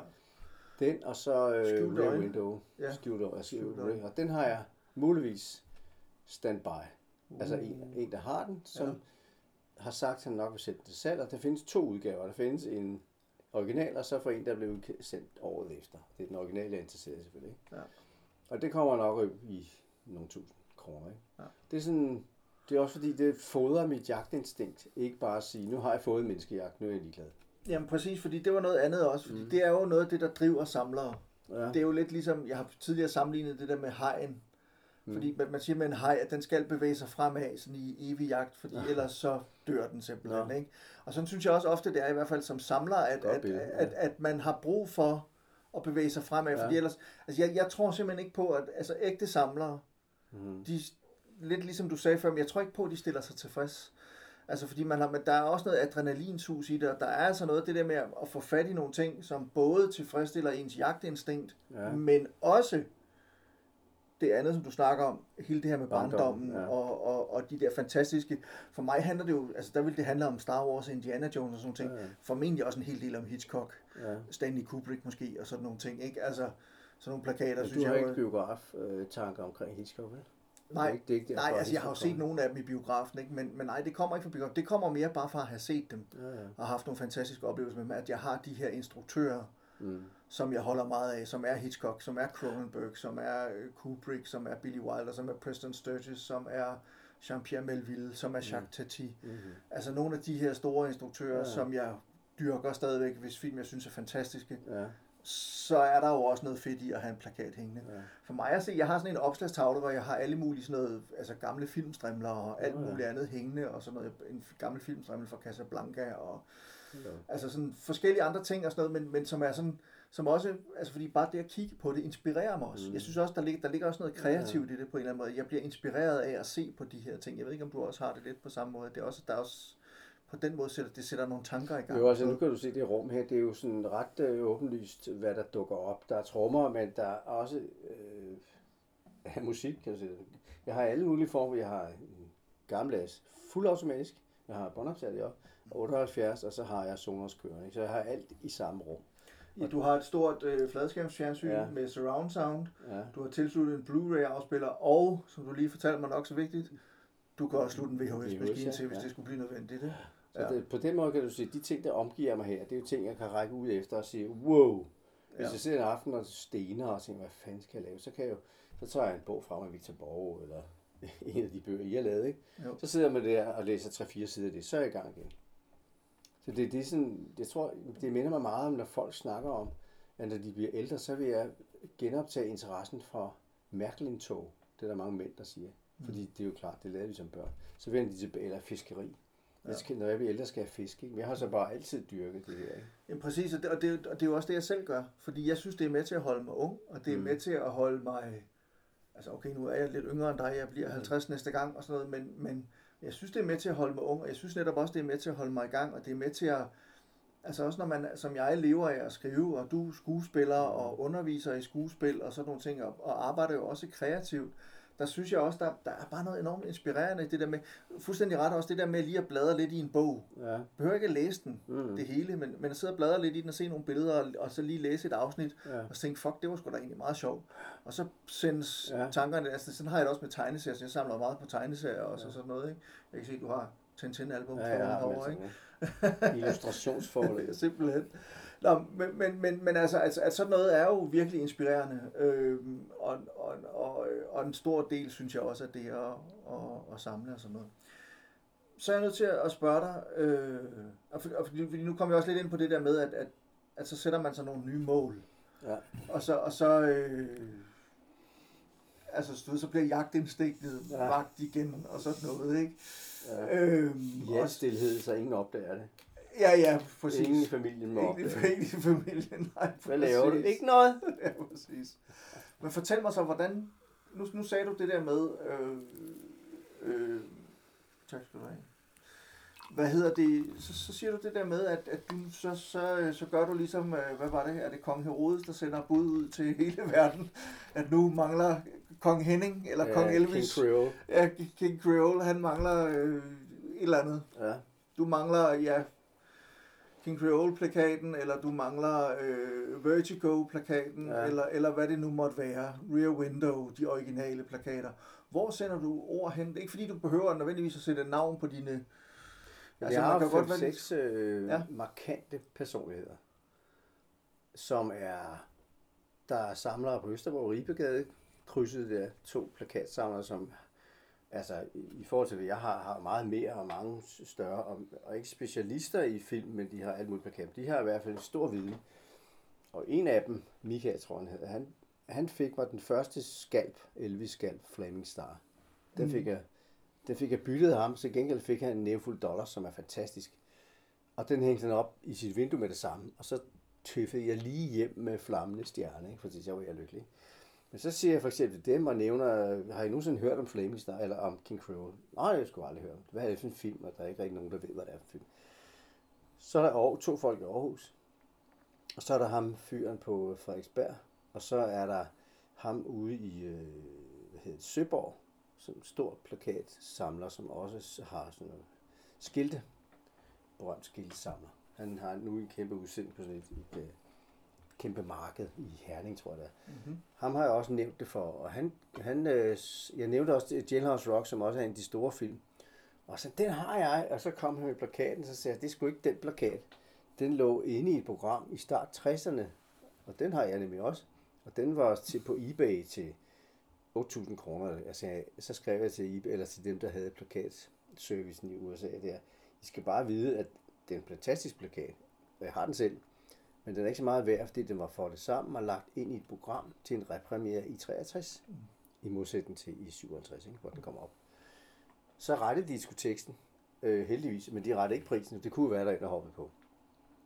Så derfor så øh, nævner jeg de stykker, altså ved, Casablanca og en kvinde skygges er jo, koster jo 10.000 kroner. Eller Breakfast at Tiffany's Holly. Det er de tre højeste. Er, altså, er, de danske udgaver? Ja, danske ud, de, til- de, de koster omkring 10.000. Ikke? Det ikke? Så kommer, så kommer hun lige efter øh, Marilyn Monroe, hvor jeg har øh, øh, den der milliardærfilm. Øh, Pina Milliardæren, eller hvad? ah, øh, How to Marry a Millionaire, fanden hed den? Millionær. Pina Millionæren hed den bare, ikke? Ja, det kan godt være. Den har jeg så her. Den er også sådan vurderet til 8-9.000. Ikke? Ja, ja. Øhm, og de ligger helt oppe i top, så dem har jeg ikke engang lyst til at forhandle med. Jeg kan ikke bytte mig til lortet. Men jeg nævner det alligevel for dem, for hvis den dukker op, en af de der, og man tænker, skulle jeg tage, skulle jeg betale uden at sige til nogen, og så, øh, så har jeg King Creole eller Hmm. en kvindeskygge, ikke? Men det er primært Elvis, fordi jeg har 5-7 gode Hitchcock, så det, det, det, det er der, hvor jeg har en kommet ind i billedet. Og sige, nu skal jeg skulle finde den næste, fordi jeg, jeg må være i bevægelse. Ikke? Ja, ja, ja. Skalpen er inde, men jeg skal have en ny skalp. Ikke? Ja, præcis. Ja, men det er ret sjovt, fordi at, at, at, at for eksempel, og jeg tror også, jeg har snakket om det her i podcasten før, men altså, da jeg selv havde købt, for jeg ved ikke, hvor mange tusind kroner Hitchcock-ting hjem fra USA, så får man dem hjem og, og går et par dage, hvor man sådan, åh, oh, hvor er det fedt det her, og nu skal jeg have dem rammet ind, og det ene og det andet. Men der går ikke længe før sulten. og det er jo sådan, ja. både det, der er drivkraften for mange samlere i hvert fald, det er jo også det, der er det mærkelige ved at være ja. samler, eller det, det er lidt farlige ved det, kan man sige. Ja. Det er, at der kan komme sådan en tomhed, hvor man så synes, man skal jagte noget nyt. Ja. Det er ikke fordi, jeg så er ulykkelig over de ting, jeg har derhjemme, og at jeg hele tiden skal købe noget nyt, men alligevel så er der bare sådan en. Ja. Altså, og det tror jeg simpelthen bare er en, en uundgåelig del ja. af det at være samler. Det er, at man hele tiden er sulten. Jeg kan huske, da vi var børn, var vi i Paris meget, og der, der gik vi ind i butikkerne, der var pladebutikker alle vejen, og glåede og fandt de her Elvis-singler. Ikke? Og min far ville helst til, at vi købte singler, fordi de andre var for dyre. E, øh, LP'erne sagde, men hvad nu, hvis han ikke holder? Så sagde han, så køber vi så kun singler, ikke? Så derfor kan jeg godt finde på, også i på Gamle Kongevej, øh, Gold Mile, eller hvad det er, så tager jeg ind en gang om måneden for at sige, kan jeg vide, om en af de der singler fra Paris er dukket op der, som jeg mangler. Så derfor kan jeg blive helt elektrisk over at finde noget, hvor coveret minder om det. Så fandt jeg for eksempel i Valby for, øh, for et par måneder siden, der var et dødsbo, et hus, der skulle tømmes, og så ringede en af de der fyre, jeg har nævnt det for. Der er et helt hus fyldt med plakater og singler, der bliver tømt. Skynd at tage ud. Så tog jeg det ud. Og så fandt jeg de oprindelige singler til Elvis helt tilbage i start 50'erne, eller midt 50'erne. Og jeg tænkte, shit. Så vendte jeg mig om, og så var det genoptryk fra 70'erne, selvom det var sindssygt flot mm. tryk. Men det er jo ikke 20 kroner værd, mm. og det er heller ikke sjovt at have. Men det var dem, der stod i de parisiske bokse, som jeg som viste dig før i de her. Men bare i originale udgaver? Det var ikke original, nej. nej, nej. Det var okay. en fyr, der havde købt den. Nej, men, men dem i Paris var det originale? Ja, det var dengang. Det var jo ja, i start 60'erne. Der stod ja, ja, ja. alt legnet op, hvad han havde udgivet op til Præcis. Det. Så det kunne jeg godt, det er sådan en af de ting, jeg kan blive helt firkantet over at lede efter, det er, tænk hvis der dukker en single op fra den gang, som jeg ikke fik købt dengang. Ikke? Meget af det, altså, så, så det vil sige, du har et netværk. Ja. Og, og, og, og, får du også selv, bliver du også selv kontaktet en gang imellem af nogen, der Nej. leder efter noget? Nej. Nej. Fordi du, du sælger ikke ud af din samling? Jo, det er fordi, jeg ikke har så meget, tror jeg. Okay. Altså, jeg er ikke sådan... Øh, og jeg sælger ikke ud af det. Der, der er mange, der, det, der har butikker Ja. Men øh, nej, jeg er ikke blevet spurgt. Jeg bliver tit spurgt af dem, jeg snakker med nu her. Har du for eksempel nogle danseplakater af øh, en eller anden bestemt mm. tegner? Så viser jeg, at jeg har tre-fire stykker af dem. Nå, dem har jeg også set, så, så går det ikke videre end det. Nej, nej, nej. Men der er ikke noget bestemt. Men, men fortæl mig så, altså fordi det, det, det lyder meget analogt, når du fortæller om det, at de mennesker, du har med at gøre, det er nogle mennesker, du kan ringe til, eller du kan tage ud og besøge dem, og så kan du ligesom mm. gøre dem opmærksom på, eller måske skriver du en e-mail ja, til dem, men, men altså, at det sådan foregår person til person, ja. kan man sige. Og, og så snakker du om det her med, for så tager man ud til et dødsbo, eller man tager ind i goldmine, eller et, et antikvariat, et eller andet, ja. hvad det nu måtte være hvor meget, altså, men, men du, sådan, du nævnte også eBay før, at du har set nogle af de, altså, så det vil sige, ja. du går også på eBay og på Facebook og nogle af de der ja. steder, hvor man kan, og den blå avis sikkert ja. også, altså det sidder du også og afsøger, eller ja. hvad? Men ikke, ikke hysterisk, fordi jeg ved, når du ryger på eBay, så er det svært at finde danske plakater. Mm. De er som regel og, og, spanske eller fra USA, ikke? Det er meget få danske plakater, hvor jeg tænker, den kører jeg, fordi de er skide dyre. Danske plakater er meget høj kurs i udlandet for eksempel for øh, Billy Wilder eller et eller andet, der er pludselig noget, hvor de siger, wow, det er en flot plakat. Eller Elvis, de mm. gamle Speedway og forfærdelige film, de går til en kæmpe pris. Ja. Den danske plakat i udlandet, ikke? af en eller anden grund. Det er mm. farvevalget, og det er sådan noget pang. Mm. Så derfor så søger jeg ikke så meget der. Det er også fordi, jeg er bange for at skue af med for mange penge på, på noget, som jeg gemmer hernede. Mm. Så, ja. ja, og, og, og så fortæl mig lidt, fordi nu, nu har du så, nu kommer vi ud og kigger på det om lidt, men du har sådan en helt trappeopgang ja, ja. her, som er fyldt med plakater og sådan noget. Og jeg tænker, at de plakater, der hænger derude, det er dem, du er gladest for. Ja. Men er det også en skiftende udstilling? Det er det også, ja. Hvis for eksempel jeg får skjulte øjne, så skal den ud der, ikke? Ja. Så vil jeg også, hvad jeg skal ned. Men det, det er livet. men så vil du også se, der hænger også en, jeg ved ikke, om jeg kan tage hul på det nu her, men for enden af trappen ja. hænger en kæmpe plakat. Øh, Storbyens Havn, en fransk surliqué hedder den ja. tilbage, for den er, plakaten er også fra slut 50'erne. Og den købte jeg i en legendarisk butik i Havserplads, Fredes øh, plakatbutik. Jeg kan godt huske den. Jeg har været der nogle enkelte ja. gange. Den er desværre lukket nu. Ja, den er lukket for mange år siden. Virkelig... Og den købte jeg så i 70'erne, og den var foldet sammen i en meget, meget tynd papir. Ja. Og så fik jeg så sat den op på det her øh, masonit, ikke? Ja. Øh, og så nogle ting, øh, det var jo at tage rundt og kigge, men, men det der med at hænge op, for eksempel den der store forventning, jeg snakker om, den skulle op, for den Mm. havde lige fået ind ad døren, ikke? Men det kan vi tage rundt den jo, Ja, så kan ja. jeg bedre forklare det. Men øh, øh, jeg, jeg, skal lige, jeg godt lige tænke mig lige at slå noget fast omkring øh, filmplakater, fordi det, det ved du hø- højst sandsynligt alt om. Der, der er jo mange mennesker, når man sælger filmplakater i dag, og man så skriver, øh, folk de skriver, om de, altså, du skal lige være opmærksom på, at det er foldede filmplakater, det her. Mm. Og så er der nogen, altså unge mennesker, yngre mennesker, som ikke ved bedre, så siger de, jamen hvis den er foldet, så er den jo ødelagt, den vil jeg slet ikke købe, den Ja, ja. der. Og det er fordi, de ikke er klar over, at det kan godt være, at man ruller plakater Nu, i dag ja. og sender dem i plakatrør og sådan nogle ting. Men tilbage i hvad? 80'erne? Ja, det er helt til 30, 40'erne, 50'erne og 60'erne, der, Ja, der foldede man for at få plads til dem. De kom Ja. jo ud i breve, så de kom jo ikke ud i ruller. nej, præcis. Så det vil sige, når man får en plakat med folder, så er det virkelig bare måske større sandsynlighed for, at det er en original Ja, plakat, præcis. end, end, end et Du genoptryk. kan se uh, James Bond derovre, det er den er på lærred, og det var sjældent, men der kom nogen på lærred. Ja, det, og det er du så lige nødt til at fortælle. Ja. Ja. Altså, hvad, fordi i dag er det jo sådan noget, det er jo sådan noget tyndt, glittet Ja, papir, de fleste Ja. ja. plakater bliver lavet på. Ja. ja, ja. Tidligere, så var det noget tykkere papir. Nej, ikke Eller nødvendigvis. hvad? Nej, det var papir. det var papir. papir. Okay. Altså jo finere papiret er, jo, jo, jo stærkere står plakaten jo. Mm. Det kan jeg, kan jeg vise dig lidt senere. Ikke? Også det Ja, det har noget at gøre med meget farver, der Ja, præcis. Det har noget at gøre med, hvordan, den var i stand, hvordan papiret været i stand til at optage farverne. Ja. Og farverne er jo stadig lige så klare som dengang. Men lærredet, det var fordi i enkelte steder, så skulle du hænge plakater op ude for Mm. biografen. Natten over. Og der kunne papir ikke klare det, hvis det var dårligt vejr. Mm. Så fandt man lærredsplakater, som holdt 10 gange længere. Og man kan også godt se, at den, altså, den, den, den har været godt brugt. Den her Ja, præcis. Den plakat foldet mange gange, foldet ud Ja. mange gange. Ikke? Præcis. Og så står også, kan du se, stemplet på forbudt for børn. Ja. Så for nu at være sikker på, at dem, der gik i Søby Bio, ikke gik ind for at se den, hvis de var under 16. Ikke? Præcis. Så, så, så i virkeligheden, altså det der med foldede plakater, det betyder bare, at, at så er de fra Ja. en tid, hvor man stadig foldede dem og sådan noget. Det er Jo, altså jeg, jeg har også de der store, jeg har inde, som du kan se om lidt. Playtime og pigerne for Rochefort der. De store franske størrelser, de er jo også foldet, og der spurgte han mig klarmesteren, skal jeg så stryge dem og lægge dem op på noget klart? Så siger jeg nej, for guds skyld ikke, fordi så, så ryger øh, jomfrueligheden ved dem, hvis de pludselig bliver Og, hvad, og værdien i virkeligheden også, Ja, faktisk. du, kan ikke, du kan ikke folde den sammen og sælge den videre, jo. Nej. Så er det et stort, et stort stykke pap, ikke? Jo, jo. Jamen så lad os, øh, lad os prøve at tage båndoptageren med Yes. øh, rundt og kigge lidt. Jeg kunne godt lige tænke mig at starte øh, faktisk. Nu er der jo øh, mange forskellige ting her og sådan noget, men jeg tænker, at øh, måske kunne vi ikke godt lige starte her, fordi Jo. jeg så noget, hvor der stod Gene Kelly på.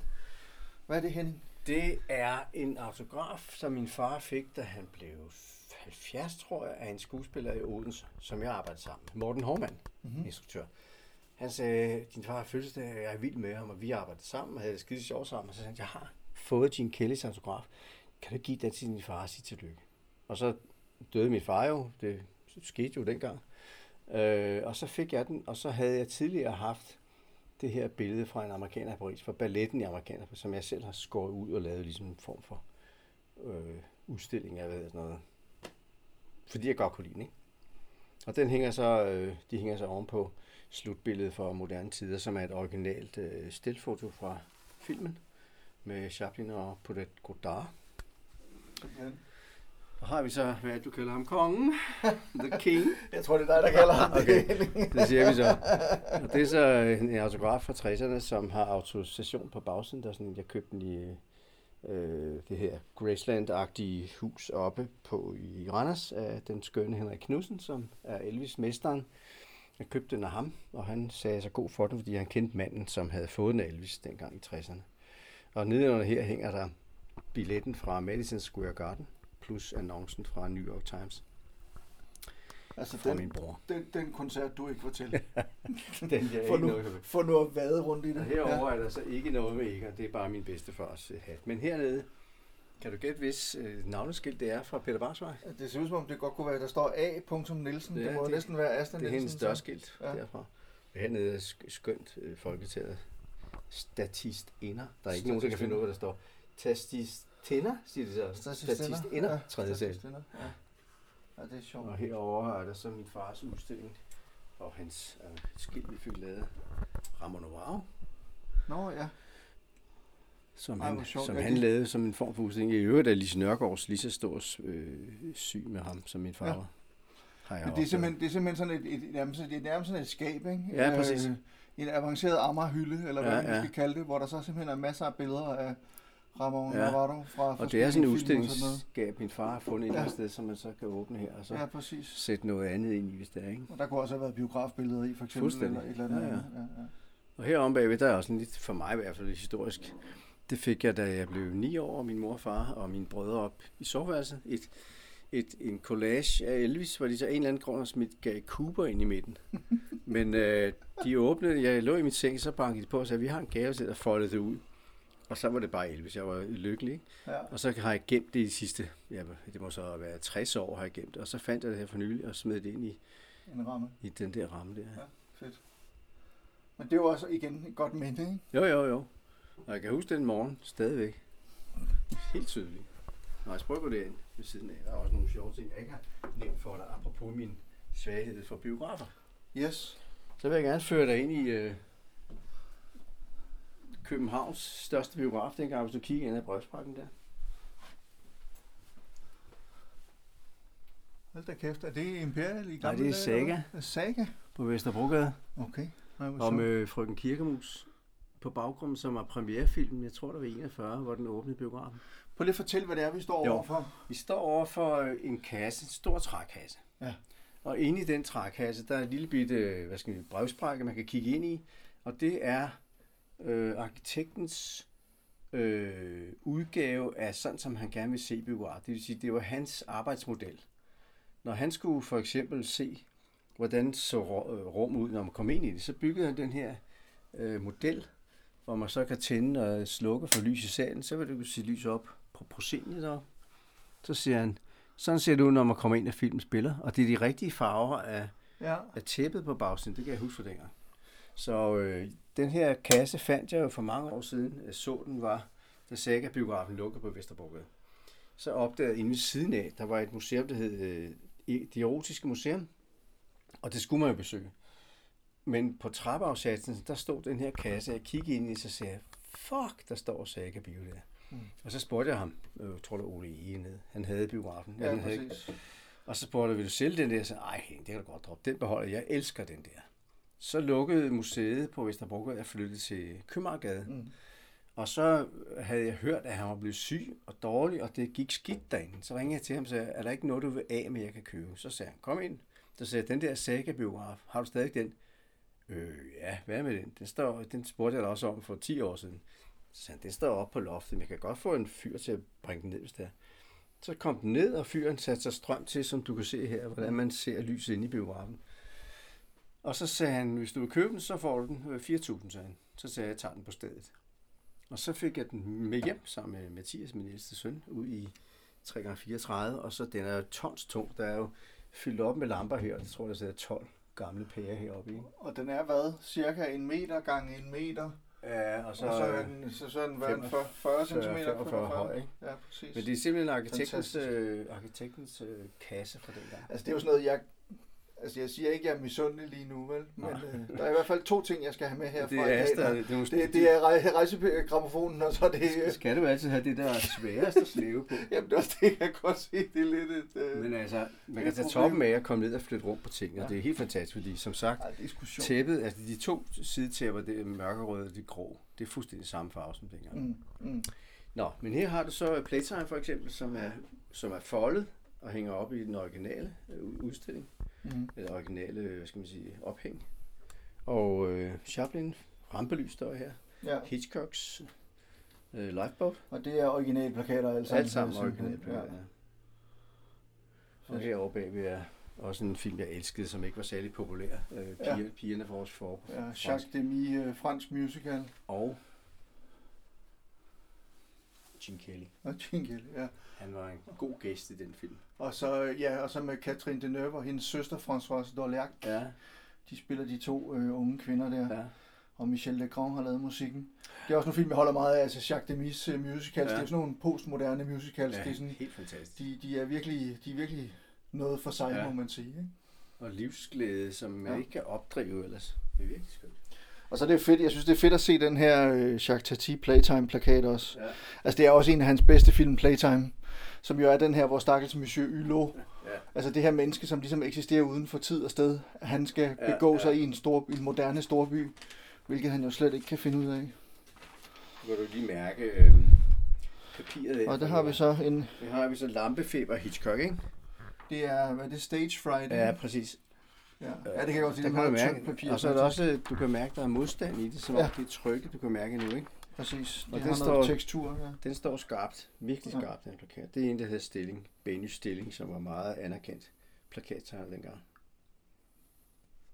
Så det er så, det er så også dem, jeg elsker, de der Hitchcock, fordi ja. Jeg for, forbinder så meget barndom med, selvom han var forbudt af børn, så, så skulle jeg jo helst se dem så meget som muligt. Men det er simpelthen så også dit plakatarkiv, det her. Ja, det ligger hernede, og, Og ved du præcis, hvad du har?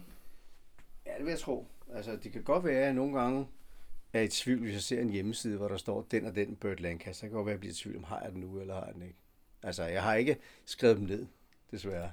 Er det lykkes, der er kommet til at købe Det dubletter? skal jeg lige huske. Jeg kan ikke huske det. Nej. Nej, det er en mere LP'er, som jeg også har en masse af. Og herover står så rullerne. Der er også en masse fede plakater i ruller Ja, derovre. ja. Super. Hmm? Så står der storsøsteren der. Det er Nerve Det er Nerve, ja. med autograf på, ja. selvfølgelig. På gamle biografstole, hvor kommer de fra? Og de er fra de teaterstole. Er det teaterstole? Fra Okay. okay. Hippodromen Folketeateret. okay. som øh, jeg fik af min far. Han fik den, da han blev et eller andet, og så øh, fik jeg dem med ham senere hen. Men det var jo også på Folketeater, det, der gjorde han sig en del, ikke? Jo, I han var- starten. Meget fastansat den fra 45. ikke? Han var uddannet noget, der hedder Alliancescenen, ikke? Jo, og så røg han direkte på Folketeateret. og det var også der, fordi Erik Balling, Ja, sko- rigtig god ven, som han boede sammen med, Bjørn Vald Bolsen, ja, han kom på elevskole på ja, Folketeateret, og det var der, han mødte din far. ja, præcis. og sin senere kone, Lis Løvers. Ja. Øh, øh, og så var det, og var det igennem Bjørn Vald Bolsen og Folketeater, Ja. at Balling han mødte dem alle sammen. Ja. Og så i øvrigt også skrev et teaterstykke der. i Ja, 49. Nielsen der, Nielsen, ja, som han lavede den, ja. Med alle dem i hovedrollerne. Ja, jeg kan ikke huske, om far var med. Det var måske. Jeg kan ikke huske tror jeg nok, han var. Ja. Men ja, det. Yes. Og det er så den der og det, ja. Brando-plakaten fra øh, Havserplads. Er det, hvad er det, On the Waterfront? On the waterfront sur le quai, og den er... Nej, det ser også det ser jo fedt nok ud. Altså, Ja, det er skønt nu. Den er, Fandme den, en flot plakat. Ja, det er det. Usædvanlig størrelse. Og hvor er den så? Den er halvanden gange hvad? To meter eller sådan noget? Ej, Ja, mere, ja, ikke? altså meget godt. To og en halv meter. 230 måske. Fedt. Nå, nu kommer vi så til trappen. Så ser det trappen, ja. Skal vi tage den nedefra her? Ja. I højre side, der hænger plakater, der har en bestemt størrelse, fordi der ikke er plads til samme størrelse som der. Og derfor måtte jeg finde plakater, der, var, der ikke havde den, de traditionelle dimensioner. Den første plakat her er en indisk film, der hed øh, Des Pardes, som var et kæmpe hit i, i 70'erne og 60'erne i Indien, som er instrueret af ligesom deres svar på Balling, den store folkelige instruktør, som øh, jeg fik øh, plakaten af Mm-hmm. som hed Devanand. Hed han. han kom så til København i, der står her i 90, for at lave en film, som hed En kærlighedshistorie, og det var en øh, Bollywood-produktion, som jeg så fik æren at være med i. Det er en ganske for, forfærdelig film. Men jeg skulle spille politibetjent og rendte rundt ude på Christiania og, øh, og jagtede øh, indiske skurke. Og så da filmen var færdig, så skrev han den her hilsen til mig øh, efter den hjælp, jeg havde givet ham med at skaffe kontakter til alt muligt. Ja. Skidesøde mand, øh, som så døde for 10 år siden. Er lavet. Han, er- han er død af bort. Han er en kæmpe navn. Ja. Så lad os gå længere op her. Der har vi så øh, en plakat, jeg fik, da jeg var på Cuba i øh, 70'erne. Så fandt jeg Truffaut's øh, Besos Robados, altså stjålne kys, Ja. eller omvendt øh, kys stjålne, som jeg synes var meget skøn og anderledes, fordi de der øh, de lande, Polen og Cuba, de lavede ikke plakater, som vi gør det her med meget eksplicite mennesketræk. Det, det var kunstværker, og den her synes jeg er skideflot til det.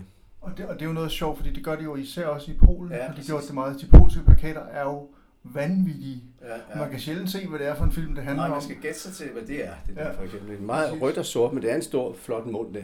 Ja. Så heroppe, der er en film, som jeg så i 60'erne, der hed Kvinden i sandet i kamera, som gjorde et kæmpe indtryk på mig dengang. Og det Til Shigar Gahara. Ja, skønt film, øh, som man godt kan streame for øjeblikket. Og en af mine kommende bekendte, Nina Schütz, var scenograf og lavede plakaten dengang. Cool. Og hun fortalte mig så også, at den her røde plet, den blev lavet sådan, så de stak en passer ind i alle plakaterne, og lavede, og lavede sådan en stribe, og der er stadig en rød plet i ja, det der en, øh, hul i plakaten. Så der blev ikke lavet så mange, så jeg fandt så den der ved en anden samler for nylig. Nå, den der op. Hænger op på enden her, ja. Op for enden, det hænger fra en af de første biografer i København. Kinografen, som ligger der i starten af Frederiksberg, hvor Bristol Bio kom til at ligge. Mm-hmm. Og den er fra 1906, den plakat der. Og øh, det var en annoncering af om tre uger eller et eller andet. Åbner om kort tid. Der åbner den her øh, biograf, som blev sådan en legendarisk biograf i København. Så, så simpelthen kinografen, så står der teater for levende billeder. Ja. Altså, der var jo en ret vild konkurrence på det tidspunkt der i, i 1900, ja i nullerne og 10'erne. Ja, præcis. Og, og det var også der, hvor Ole Olsen, ja, øh, den senere stifter af Ja. Nordisk Film faktisk i 1906, han åbnede også sin første biograf. ja, og det er samme år. Han, det, er, det var konkurrenten, det der, som var Ja. Elfælds biograf også. Ikke? Præcis. Og den fik jeg også en samler. Øh, I øvrigt den samme mand, som hjalp mig med at få kasserne fra Søby. Fedt. Og her har jeg sådan en plakat, jeg har fået for nylig, en meget, meget smuk plakat af, af filmen My Darling Clementine, en dansk plakat, John Ford. John ja. Ford, og den kom så til at hedde Lovløst Land, og så skiftede plakaten også udseende, og den er ikke nær så nydelig som den her. Den fik jeg her for kort tid siden af en, en fyr, jeg kender, som kender min svaghed for klassiske plakater. Og den har altså et helt fantastisk øh, øh, udtryk i farver og styrke i, i farven. Den er fra 1950, den plakat der. Ja, og, og, og det er jo meget sjovt, fordi er det, er det sådan, at, at de fleste plakater dengang, de faktisk var malet eller tegnet? Altså det, Det var det jo, tegnet og trykt tegnet. Præcis. Ja. Altså det var, ikke, det var ikke fotografier, som vi primært kender det i dag. Der er ikke nogen her, som er... Jo, det der over kvinden i salen, den er så lavet om til et kunstværk også. Men ellers er det ikke. Ellers er det reelt tryk. Ja. Litografi, tror jeg, det Og her er så en gammel Marlene Dietrich, som Højspænding. højspænding er, som er den samme tegner, som lavede øh, lampefilmer. Okay. Ben, øh, stilling der. Meget elektrisk, altså meget energisk øh, plakat, også med Malene, som har en meget høj kurs i, i plakatverdenen, altså i omsætning og sådan noget. Den er fra 47. Ja, den her. den er ret flot. Ja, det er den faktisk. Meget elegant, og sådan, altså næsten sådan helt lidt, lidt art deco-agtigt Ja, ja, også ja. i, Ja, øh, måske ikke helt art deco, men, men sådan lidt sen art deco. og det der sådan noir lidt- fornemmelse derovre. Ja, og lidt noir for det, Ja. ja. rigtigt. Og så kommer der John Ford, som er svær at komme udenom jo. Det må man sige. Som jeg har en kæmpe svaghed for. Det er jo også de klassiske westerns, ikke? Ja. Altså den er fra 51, den her War Wagon, eller Wagon Master Caravanen hedder den, som jeg også så på Filmmuseet, jeg var en stor dreng. Som er en relativt rødlig plakat med et hav af ukendte mennesker på listen her. Ja. Harry Carey var, var øh, meget anerkendt øh, Ford-spiller, men var meget... Altså han var ikke, han var ikke A-liste. Nej, Ben Johnson, der, der ser ud som om han, jeg ved ikke om han spiller hovedrollen, Jo, han, gør, men han var jo sådan en også meget brugt, meget som, som birolle Ja, sammen med, ja vel, meget sammen med, øh, hvad hedder han, John Wayne. Ja, også John Wayne, ja. ja. Meget jazz skuespiller. Så det har været en tidlig, en tidlig John Ford, eller hvad? Ja, den er fra 51, den her. Okay. Så det, Så, så, så tidlig var det, ja, fordi han startede jo allerede med at lave stumfilm også. Så, ja, ja, helt sikkert. Sammen med sin bror nu. Yes. Og så den sidste her er Dickens store, store forventninger, som jeg fortalte om før. Den, som betød så meget for mig som barn. Ja. Som så er kommet op her, det er sindssygt stærke farver, og, og, og den er fra 47 plakaten her. Og de er virkelig i god stand. Ja. Altså, god stand, ja. ja, de er stemplet, mange af dem, så er de simpelthen stemplet Statens Filmcensur 47-48, Ja. står der så her. Det skulle de være. Det sluttede så stemplingen omkring starten af 60'erne, så stoppede man med det der. Men igen en, en tegning, John Mills, Valerie Hobson, Ja.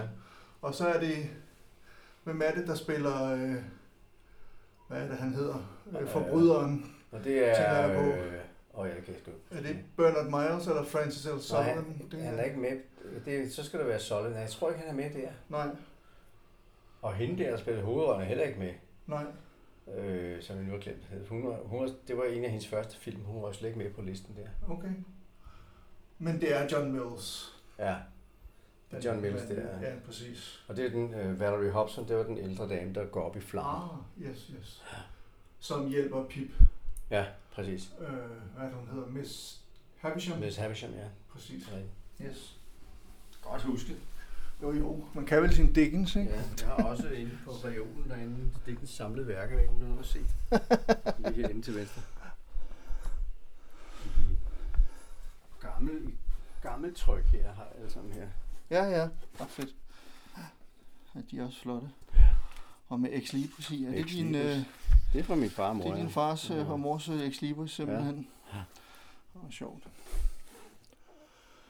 Ja, jamen tak for omvisningen. Jamen, Er der, er der noget, vi mangler at se? Jo, så er der Scarlett Johansson, hun hænger herovre. Nå ja, Scarlett hænger herovre.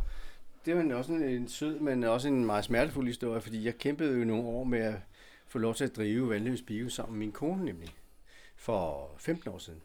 Den blev lukket, og så skulle den bygges op igen, og så lagde vi billet ind med over for bygherren derovre, og han var skide interesseret. Vi gik to år og forhandlede, og til sidst havde vi altså håndslag på at få den. Og så sagde jeg til Rolf Kono, som også er min gode venner, han var på optagelse i, i, Midt-Europa, og lavede The Black Dahlia med øh, Hilary Swank og Scarlett Johansson, så sagde jeg til ham, hvis du møder en af dem, så sig til dem, at dine bedste venner er ved at overtage en biograf i Vandløs. Skriv en besked til mig. Så hænger jeg den op i biografen. Så skrev hun den der Scarlett. Til vandløse Til Vandløs Bio fra Scarlett Johansson, men der kom sgu ikke nogen biograf ud af det. Han stak af med, han stak af bygherren og sagde, ah, det var hyggeligt at møde jer, men jeg, jeg overtager den sgu selv, og der var vi godt sure der. Ja, det kan jeg da godt forstå. Så med til historien skal vi så lige sige om sin Scarlett Johansson. Hun er jo halvt dansk. Jeg tror, Ja. ja. det er, hendes, er det hendes mor eller far, der? Jeg tror, det er hendes Ja. ja. far, der er dansk. Ja. Og hun har faktisk en halvbror, der Nå. bor i København, så Nå. vidt jeg ved. Så hun kommer her en gang imellem. Ja, ja. Hun snakker dog ikke dansk i modsætning til Viggo Mortensen, Nej, det er rigtigt. Nej. som snakker dansk, som man gjorde for 50 år siden, eller sådan noget, hvilket er ret sjovt. Ja. Spændende. Jamen Henning, er der andet, du synes, vi skal se? Ej, jeg synes, vi har været meget rundt altså, om de ting der. Øhm, om Ja. de ting, som jeg synes er særlige. Dem har jeg jo lagt frem. Ikke? Jo. Jack Lemmons autograf, som var en besked til min far, ligger herover. En hilsen til min far. Ham mødte jeg i London, øh, da jeg lavede filmmagasin. Ja. Og han var utrolig sød, selvom vi ikke har noget tid. Først blev mødet aflyst, fordi vi sad fast i Esbjerg i en flyver, vi kunne ikke komme afsted. Så kom vi så til London, så sagde hans agent, desværre han er gået, Jack Lemmon, I kan ikke få mødt ham. Og så kom han selvfølgelig ud på gangen, hvor vi stod TV2-holdet. Så sagde jeg, stop, stop, stop. Og han sagde, oh, of course Henning, du, du har ventet så længe. Så fik jeg en snak med ham. Og så da vi havde snakket sammen, så sagde jeg, vil du ikke nok lige skrive en hilsen til min far, fordi han er syg med dig. Og så skrev han, to over best wishes, Jack Lemmon. Og det var meget, meget hyggeligt møde med ham. Og din far blev glad. Han blev glad, han blev stolt. Han var sådan, åh, nu har han også både fået Gene Kelly for, for mig, og han har også fået, fået øh, Jack Lemmon, ikke? Det er, jo fast, det er jo fantastisk at kunne give sådan nogle gaver til folk, som så også forstår Ja, ja. Og, og, og sætte pris på det. Ikke? Ja. Var det, Jack Lemmon, var sådan en af dine fars... Øh, Han var virkelig, ja, helt sikkert. Altså, de, var jo, de havde lidt samme statur og samme humor og samme timing. Så altså, de var jo lidt den samme, hvad skal man sige, drivkraft i film. Det var ikke altid ham, der var den sjove sjove. Men det var ikke, altså han gjorde det sjove, men her i Nøglen under måtten for eksempel, der var Jack Lemmon i gangsætteren af, af alt, hvad der hed konflikt, men han blev sjov af at være i gangsætter. Ligesom Egon er jo meget alvorlig i sine Og fuldstændig humorforladt. det er fuldstændig humor, og det bliver pisse sjov af det. Det samme havde Jack Lemmon jo også i sin egen måde at drive sin energi frem på som spiller. Ikke? Så det vil sige, når jeg nu her har givet dig et billede fra en Walter Matthau og Jack Lemmon film, så begynder det at hænge sammen Ja, på en er eller anden måde, ikke? Det er godt. Øh, jamen øh, Henning, øh, jeg ved sgu ikke, altså er der mere? Du har fortalt lidt om, hvad du jagter i Mhm. øjeblikket, så, så man er jo også velkommen til lige at skrive til dig måske via Facebook Ja, ja, eller et eller andet, hvis man nu ligger inde med Ja. King Creole, ja. så, øh, så Så jeg skriver tænker man... også på at spørge dig om noget omkring ja. det her. Hvad i min samlermani synes du er mest i øjenfaldende? Altså, hvad, når du selv er samler, tænker, det var lige godt set. Men Jeg ved ikke, om jeg, vil, om jeg vil kalde det i øjnefaldene. I virkeligheden, så kalder jeg det disciplin. Altså, at, at det der med, at du fokuserer på to ting, sådan set. Ikke? Altså primært Ja. på filmplakaterne, og så på, øh, og så på Elvis. ja. Og så tænker jeg også, at noget af det, jeg synes, der er interessant ved det, det er, hvor meget du knytter det til netop nogle bestemte oplevelser. Ja. Og det gør jeg jo egentlig også selv, men jeg tror ikke, jeg måske er lige så... Jeg er jo nok bevidst omkring det, men det er måske ikke noget, jeg artikulerer lige så tydeligt, som, som du har gjort det her. Og det, det synes jeg er interessant. ja. Og det synes jeg egentlig også er det, der gør det fedt. Altså, det, Mhm. det, er jo, det, er jo, det er jo det, jeg synes, der kendetegner en ægte samler. Vi, fordi vi samler jo ikke for at kunne sælge videre. Nej. Vi samler ikke for, at det her det skal blive... Det er jo ikke investeringsobjekter. Det, der, selvfølgelig er der noget fint i, hvis du engang kan sælge dine Elvis-singler Ja, for ja. en milliard, ikke? Og, og sikre øh, dine børn, eller hvad fanden Ja, det nu ja. skulle være. Ikke? Men det er jo ikke det, det handler om. Mm. Det handler om den der varme følelse, man får Ja. inde midt i, i kroppen. Ikke? Altså, Forbindelsen til den gang. Ja. Præcis, og, og, og, og, og, og det der med, at altså, og, jeg, og, jeg, og jeg er glad for, jamen, jeg, jeg synes også, jeg synes det er fedt, når du siger det der med, også det der med at så tage en bog ned og læse lidt i den, eller sidde og kigge på en plakat, eller gå og luft. Altså nu, nu har jeg for eksempel lige indrettet et nyt kontor derhjemme. Det betyder, Mm. at jeg har fået gjort noget plads. Der, hvor jeg tidligere havde kontor, det er nu blevet mit udstillingsrum. Ja. Og det vil sige, at jeg har fået sat nogle store udstillingsskabe op, og har pludselig plads til nogle ting at skrive, stille mine gamle skrivemaskiner. Jeg samler på skrivemaskiner blandt andet, Nå. åndssvagt som jeg er, ikke? fordi de fylder jo Ja. men at få sat nogle af dem frem, og bare den der fornemmelse af at kunne gå rundt og røre ved sin samling og sådan Ja. noget, som jeg også har fornemmelsen af, at du har, og blive inspireret af Ja. det, og hente energi i det. Som du selv sagde før, læse et par sider i en bog, Ja. og så kan man lidt igen. Ja. ja. Altså blive mindet om den der kærlighed. Så på den ene side, så har du sagt nogle ting, som jeg ikke synes, jeg måske har sagt til mig selv så tydeligt før, og på den anden side, så Mm. minder vi også meget om hinanden Mhm. i, hvad det betyder for os Ja. At samle. Og så for dig nok, og, og endnu mere også den fysiske oplevelse med at sidde i biografen. Fordi min tidligste biografoplevelse, jeg kan huske, det har været sådan noget 81-82 og E.T. Mm. Mm. sammen med min mor, hvor jeg har været 9-10 år gammel. Ja. Ikke? Så den betyder selvfølgelig noget for mig, den Ja. film. Det gør hele den der generation, Spielberg, Lucas, Ja. alle de der underholdningsfilm. Det er også derfor, at jeg har lige anmeldt Ghostbusters, den nye, Ja. til, til avisen, som jeg er helt op at køre over, fordi Ja, den minder mig om hele min barndom. Ja, altså, det er det hele, der bliver reddet frem, og, og Ja. jeg sad og stortudede den, de Ja, sidste ja. kvarter 20 minutter af filmen og Ja. sådan noget. Ikke? Øhm, men det der med, at, at, at jeg tror, at vi som samlere, vi jagter ikke nødvendigvis en tabt barndom, men vi jagter nogle følelser stadigvæk og nogle oplevelser, vi har haft, og prøver at fastholde noget af den der positivitet og den glæde, Ja, ja. der ligger i det. For mig er der også en hilsen til de gamle, Ja. der hedder, det du gav mig, det kan jeg godt bruge, og det vil jeg bringe videre til de næste. Mm. Men altså, jeg, jeg tror, du er lidt større samler, end jeg måske lige havde forestillet mig. Jeg har Nå. Fået fornemmelsen af det. Ja, Altså, nu har vi kendt hinanden nogle år, ja, ja. og jeg har været herhjemme før, og har set nogle af dine ting før, vi har snakket om det her før, Mm. men vi har længe snakket om, at jeg skulle komme hjem og lave Ja, ja, ja. et podcast-afsnit, mm. og se din samling og sådan noget. Men jeg alligevel, altså, jamen, det, det, det er sådan... Jeg, jeg tror, du, du er lidt større samler, end jeg måske havde regnet med. Og jeg tror måske også, at du er lidt større samler, end du selv måske Måske, ja. altså, jamen, det, jamen, det er meget sjovt, fordi man kan godt nogle gange, når jeg spørger det der, altså stiller det spørgsmål, der hedder, hvad så, når du så har nået, Ja, har fået fat i den der ene ting, du ledte efter? ja, Ja. Er det så stopper man så bare? Nej, fordi det gør man jo ikke. Nej. Og der, jeg ved ikke, om du overraskede dig selv, da du så kom til at tænke den der tanke, men jeg har fornemmelsen af, at det ikke nødvendigvis er noget, du tænker på på den måde. Nej. Så, så kan jeg jo så stille et modspørgsmål, og det Ja. er, hvornår gik det op for dig, at du var samler? Altså, øh, hvornår blev du bevidst omkring det der? Altså, Det er, som regel, øh, det er som regel Ja. omverdenen, der siger det til mig. Ja.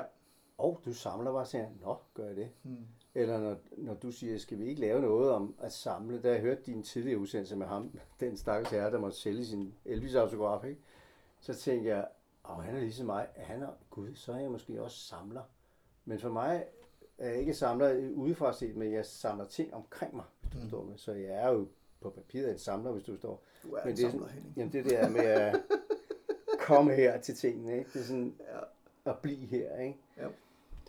Det er nok samler, men, men jeg, jeg tror, kvinden ovenpå deroppe, min kone, hun sådan vender tit det hvide i øjnene og siger, åh nej, der kommer nu mere ind. Så siger hun, det bytter, jeg bytter, hun. Så hun er bange for, at jeg sådan smider alle mine euro-jackpot ud af døren. Men, men, men, men, men, ja, men det er jo det, men, men jeg synes også, der var også, det var ret sjovt at snakke, det var Peter Borberg, der havde haft en Elvis-autograf, og Ja. så havde solgt den igen. Og jeg må sige, sådan noget forstår jeg jo heller ikke. Altså, og det sagde jeg jo også til ham, jeg forstår simpelthen Nej. ikke, at man kan. Der Altså, var har- kold. Altså, nu har jeg fået en Hitchcock-autograf. Ja. Jeg gemmer to ting fra Ja. den det er et Hitchcock-lot, jeg købte, hvor der var Ja, ja. masser af dokumenter. Jeg gemmer i hvert fald to ting. Det ene, det er den her Hitchcock-autograf på Mm. sådan et lille kort, hvor der står øh, hans øh, Alfred J. Hitchcock Ja, ja, ja. øverst og sådan noget. Den anden ting, jeg gemmer, det er et, et, øh, et lille brev, som, øh, som Hitchcock han sendte, dengang han, ja, omkring 1980 eller sådan noget, hvor han blev hyldet af det amerikanske filminstitut, øh, og fik den der, jeg tror, Ja. han fik også en æres Oscar eller sådan et Ja, eller han andet. sad ikke, på et nede i dernede, og Ja, præcis. Ikke? Og, ikke der, Bergman talte til ham. og, og, og James Stewart talte også til ham. Nå, Og der har han simpelthen sendt sådan et lille brev, du ved, kære øh, Jim, tak for bla bla bla bla bla, og så underskrevet Hitch. Det har jeg også. Nej, hvor fedt. De to ting har jeg, Ja, ja. og de skal i glasarmen. Øh, og vi snakker museumsglas, og vi snakker syrefrit, Ja, ja. øh, passepartout og, og alt det Det der. skal være syrefrit, ja. Ja, jeg, alt sådan noget der. Men, øh, altså, og, og det tror jeg, jeg har sådan en idé om, det kunne jeg aldrig finde på at sælge. Jo, hvis jeg en eller anden dag skulle vælge mellem det, og så Ja, ja, ja. betale min husleje, så kan man Ja. blive nødt til det, ikke? Men, men ellers er det, altså de, de ting, jeg så sælger fra for den samling, jamen det er fordi, jeg fik, nogle, jeg fik virkelig meget ud af det, ikke? Ja, ja. Så, øh, øh, så, så det der med at sælge de der, altså jeg køber netop heller ikke for at sælge. I det her tilfælde gjorde jeg så, men det var fordi, jeg, jeg vidste, hvis jeg, hvis jeg vil have den der autograf, Mm. så er det nu. Nu eller aldrig. Ja, ja. Så fik jeg det fandme også, ikke? Øhm, men nej, altså, jeg, jeg tror, øh, jeg har snakket med flere samlere, Mm-hmm. som ikke nødvendigvis opfatter sig selv som samlere, Mm.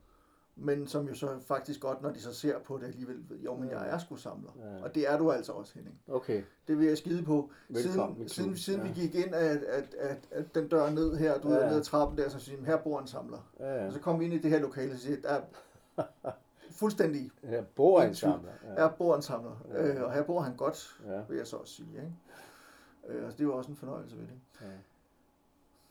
Er der andet, du vil spørge mig om? Jeg kom til at tænke på, om du har samme forhold til Hitchcock, som jeg har til Elvis. Altså er du lige så forelsket i hans værker og stemningen omkring ham, som jeg er? Det tror jeg. Okay. Jeg har en øh, Hitchcock-figur derhjemme, som har kostet mig flere tusind kroner, sådan en stor, du ved, Hitchcock, øh, altså sådan, ligesom en actionfigur. Ja. bare meget stor. Jeg har Hitchcock frimærker, jeg har Hitchcock plakater, jeg har Hitchcock billeder. Okay. Hvad mangler du så af Hitchcock?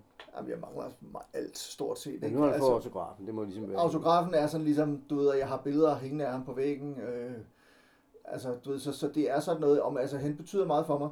Jeg vil sige, den instruktør, der nok betyder allermest for mig, Mm. det er Woody Allen. Okay. Men det har noget at gøre med, at, at, øh, at jeg jo i høj grad er vokset op med hans film på en eller anden Ja. måde. Altså, at, at jeg har haft den alder, der ligesom har gjort, at de her film, de har sagt, de har talt Ja. ja. til mig. Hele den der eksistentielle angst og den der, altså det der med at være sådan en intellektuel New Yorker, Mm. som går til terapeut og sådan noget, ikke? Ja. Ja. Altså nu bor jeg godt nok ude på landet, men jeg går fandme til terapeut, Ja, ja, ja. ikke? Jeg går i Det ana- findes jeg, jeg er sgu i analyse, ligesom Woody Allen, du ved, altså sådan nogle ting, så, så måske Woody Allen har jeg et, et mere personligt forhold til, men, men, men jeg, det der med Hitchcock, altså fordi jeg synes, at han jo som fornyer også af filmmediet og filmen, altså alt det han kunne teknisk, og Ja. den måde han fortalte historier på, den der humor, der er i dem, og de der fantastiske skuespillere og sådan noget. Altså jeg elsker hans film over Ja. på jorden, der han har jo ikke, jo han har lavet nogle film, der ikke er lige så gode som andre og sådan noget, men, men altså, hold nu op, jeg holder Ja. meget af ham, ikke? Det er nok også den instruktør, jeg har flest bøger om og sådan Nå, noget, ikke? okay. Så jo jo, det tror jeg. Men altså, Woody Allen er nok sådan tættere på mit hjerte på en eller anden måde Ja. i forhold til det der. Ikke? Ham har jeg det jo nok sådan virkelig ja. med. Ikke? Men øh, ja. Men, men øh, i forhold til hvad jeg mangler, jo, men jeg, i forhold til Hitchcock, jeg tror, jeg, jeg tror jeg har ikke ret mange plakater. Jeg kan ikke engang huske, om det er originale plakater, jeg har. Det tror jeg sgu ikke, det er, fordi det er sådan noget, som jeg har købt på et tidspunkt, hvor jeg ikke havde råd til overhovedet at, at købe plakater og sådan noget. Ikke? Og så har man købt, hvad man kunne få fat i Ja, og sådan ja. noget. Ikke? Så. Men Henning, øh, det er altid sjovt at snakke med andre samlere, det er det første gang, som sagt, at podcasten har været uden for mit eget Nå, hjem. okay. Jeg har ellers har jeg lavet alt, alle over Skype og sådan Nå. nogle ting, så det er faktisk første gang, jeg har siddet midt i en samling Ja. og snakket med Mm. samlerens ejermand, og det var en stor fornøjelse. Det er altid sjovt at have noget at kigge på, det er fedt. Altså, Ja. det er også livgivende, det giver også mig energi at se Ja. alle de her ting, og, og nu tage nogle af dem med hjem om lidt, Ja. når jeg skal gå. Så, øh, Ja, selvom det er nogle af de store ting. Ja, præcis. Jeg skal lige have bestilt en 3x34. Ja, ja. Henning, tusind tak, fordi jeg måtte komme.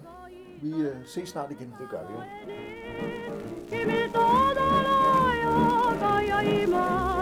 Også og arbejdet, dog jeg vil kirke, det vil med kirke, og godt og det kirke, og kirke, og kirke. Det er ikke noget, der er noget, der er der er noget, der er noget,